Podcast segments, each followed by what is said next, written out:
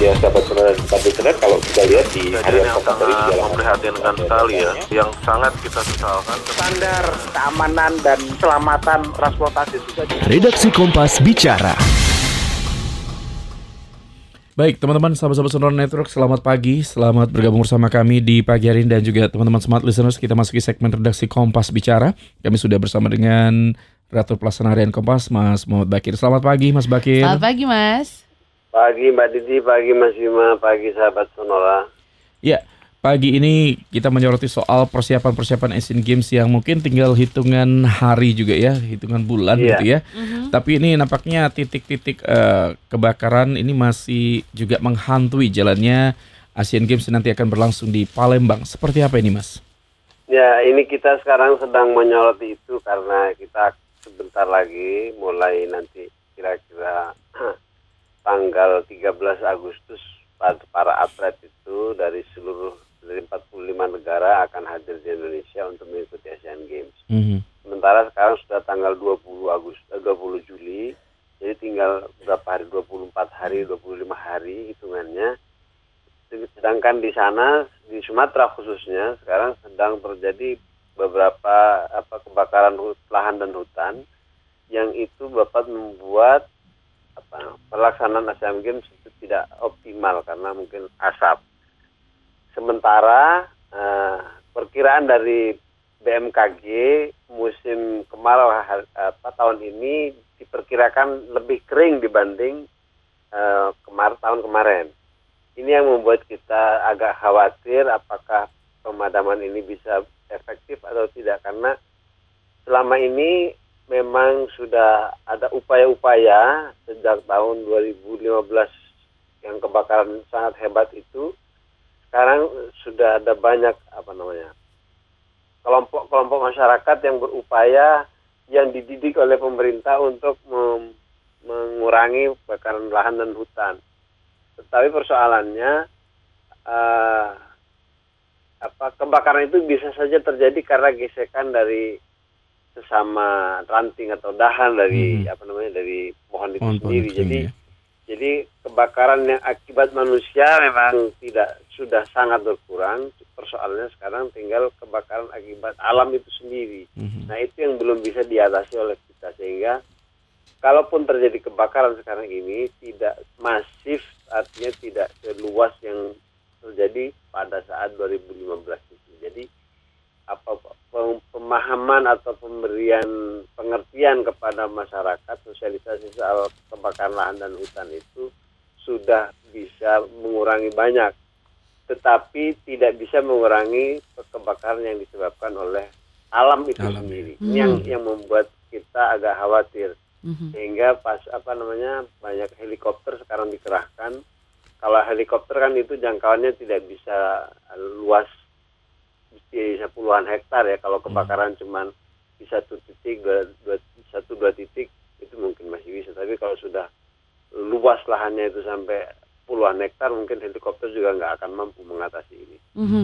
Dan bagaimana dengan tindakan tegas yang mungkin dilakukan ke pembakar lahan yang sengaja? Apakah tembak di tempat atau seperti apa gitu Mas? Nah ini yang memang ada upaya ke sana, tapi kita mencoba tidak tidak apa namanya tidak sekeras itu karena Mhm.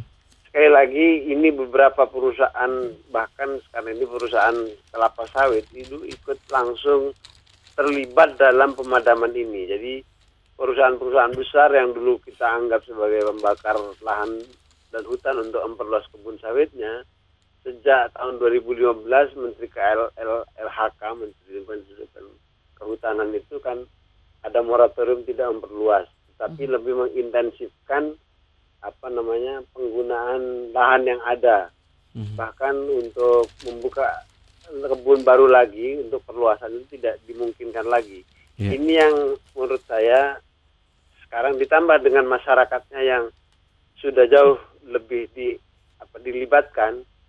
Jadi ada masyarakat, ada desa apa namanya desa anti kebakaran hutan itu sudah di, banyak di Riau misalnya. Di Jambi juga sudah banyak. Cuma persoalannya itu tadi karena gesekan antar ini lalu sinar matahari yang sangat kencang Mhm. lalu ada gesekan antara sesama ranting dan lalu terjadi, terjadi percikan itu yang bisa membuat apa titik api dan itu satelit NOAA itu yang tidak tidak mungkin men- mendeteksi itu karena itu mulainya pasti dari kecil. Kalau Hmm. orang orang yang membakar itu pasti dalam waktu sangat cepat itu bisa kebakarannya sangat besar. Tapi kalau akibat alam itu sangat kecil dan tidak bisa dideteksi secara dini gitu. Ya. Mhm. Baik. Itu persoalannya. Pengalaman saya waktu jadi kepala biro di Sumatera, Mhm. apa kalau kebakaran akibat orang itu apa kebakaran itu sangat cepat dan masif. Hmm. Tapi kalau akibat alam itu sedikit tetapi lama itu persoalannya. Mhm. Karena nggak nggak bisa dideteksi. Jadi pertama muncul asap, lalu lama-lama lama-lama baru seminggu Baru atau dua api minggu gitu baru ya. terjadi api. Mhm. Mhm. Ini yang yang apa yang membuat pem- pe- apa pemadaman ini agak agak susah gitu. Mhm. Mhm.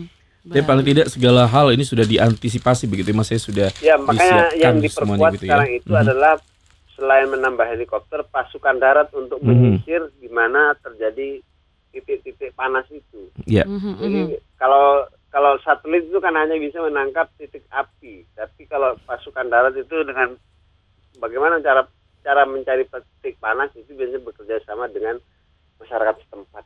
Mhm. Mhm. Baik, beralih ke berita lainnya. Ini kenapa masih ada aja Mas ex koruptor yang mendaftarkan diri sebagai caleg ke KPU padahal sudah ada fakta integritas dan hal-hal lainnya. Seperti apa Kompas menyorotinya, Mas?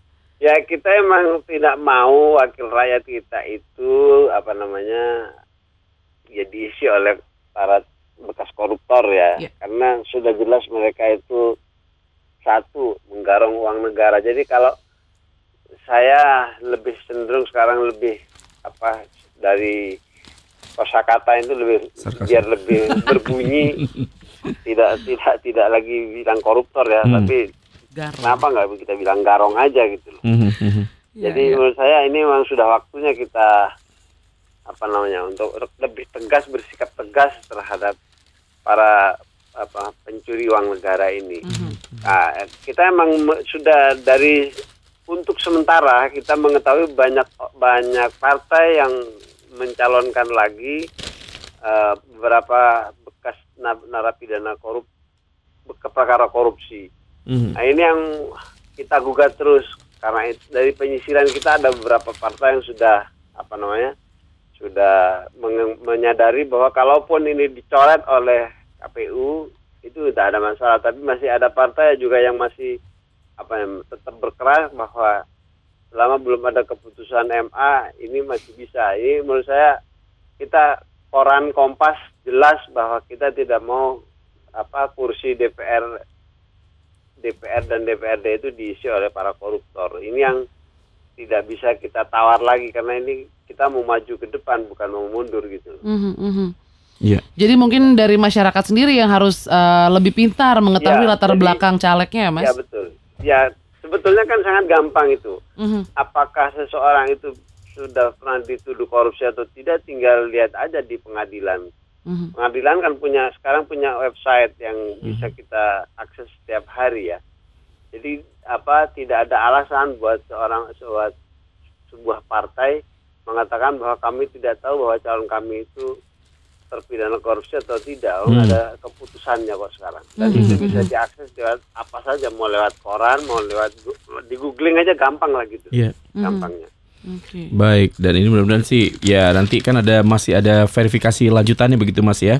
Iya, Kalau sudah ini terlanjur masih ya. kita tunggu apakah tetapi ini sikap menurut saya yang sikap KPU yang menurut saya cukup apa bisa di, diterima ma- masuk akal bahwa Mhm, mhm. mereka memberi kesempatan kepada partai itu untuk mengganti caleg yang bekas narapidana korupsi itu untuk diganti. Nah ini menurut saya ini sebuah sikap wise yang kita dukung lah. Mhm. Mhm. Baik, dan ini menarik untuk terus dicermati Iya. perkembangan Iya, lebih ini menarik. lanjutnya. Mhm. Karena ini kepentingan kita ke depan. Jadi kalau DPR RI ataupun DPRD kita diisi oleh bekas koruptor, apakah mungkin pemberantasan korupsi itu akan berjalan efektif nanti ke Iya. depan? Jangan-jangan mereka terus menghalangi kan gitu. Ya, ya, Ya, atau Sementara mungkin berulang kembali, Mas. Pemerintahan ini, ya ini kita ingin pemerintahan yang bersih gitu. pasti. Mhm. Atau karena mereka sudah pernah yaitu mengulangi dengan cara-cara yang mungkin tidak Lebih halus. Di, diindus oleh KPK gitu. Mhm, mhm. Sudah lebih berpengalaman gitu. Iya, sudah punya pengalaman. gitu.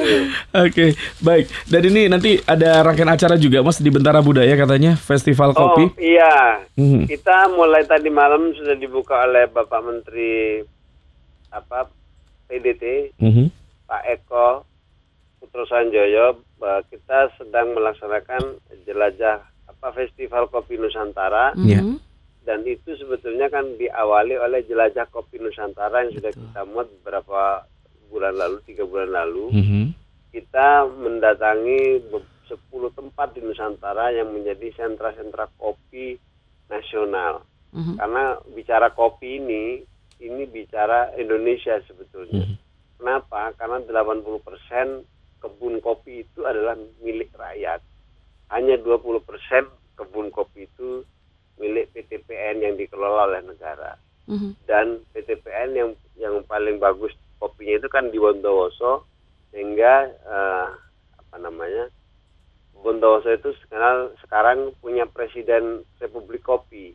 Nah, ini Bupati Bondowoso itu mendeklarasikan dirinya sebagai presiden Republik Kopi karena hampir seluruh kopi Bondowoso itu diekspor. Mhm. Nah, tidak banyak yang tahu bahwa kopi kita itu 60% Starbucks di seluruh dunia itu kopinya berasal dari kita. Oke. Oh. Mhm. Nah, ini jadi pengetahuan-pengetahuan seperti ini harus kita ungkap supaya ada kebanggaan lah bahwa kalau kita minum di Starbucks itu bukan untuk hanya untuk memperkaya orang Barat, tetapi Mhm. juga memakmurkan petani kita. Itu Mhm. yang apa namanya yang menurut saya juga penting ke depan ya Mhm. bahwa Mhm.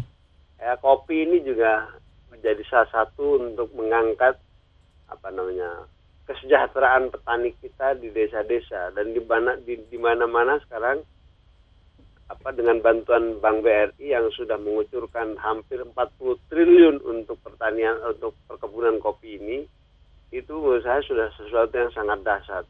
Nggak sedikit tuh duit, duit 40 triliun itu untuk kredit pada petani kopi baik untuk apa namanya untuk peremajaan tanaman ataupun untuk peralatan. Jadi ini yang sampai hari Minggu kita gelar. Jadi petani yang kita datangkan itu ke, ke Bentara Budaya Jakarta, kita datangkan petani-petani kopi yang membawa kopinya sendiri, baik mau yang roasting atau yang masih berupa biji.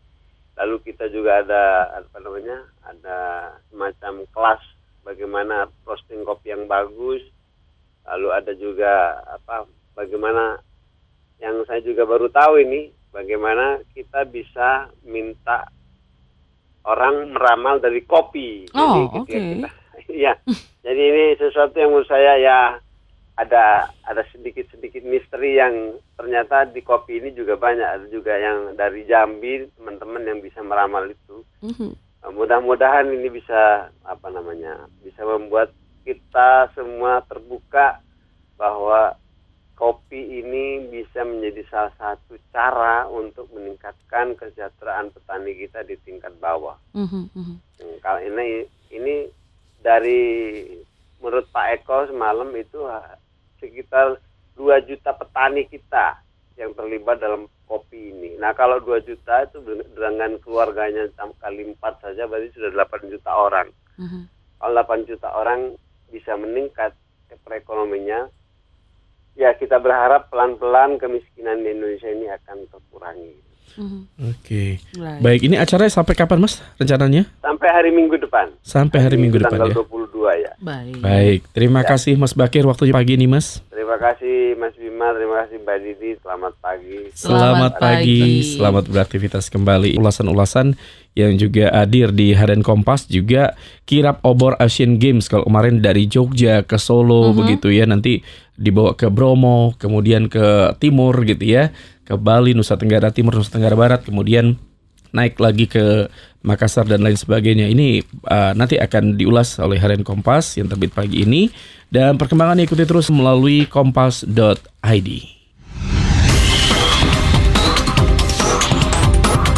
Redaksi Kompas bicara.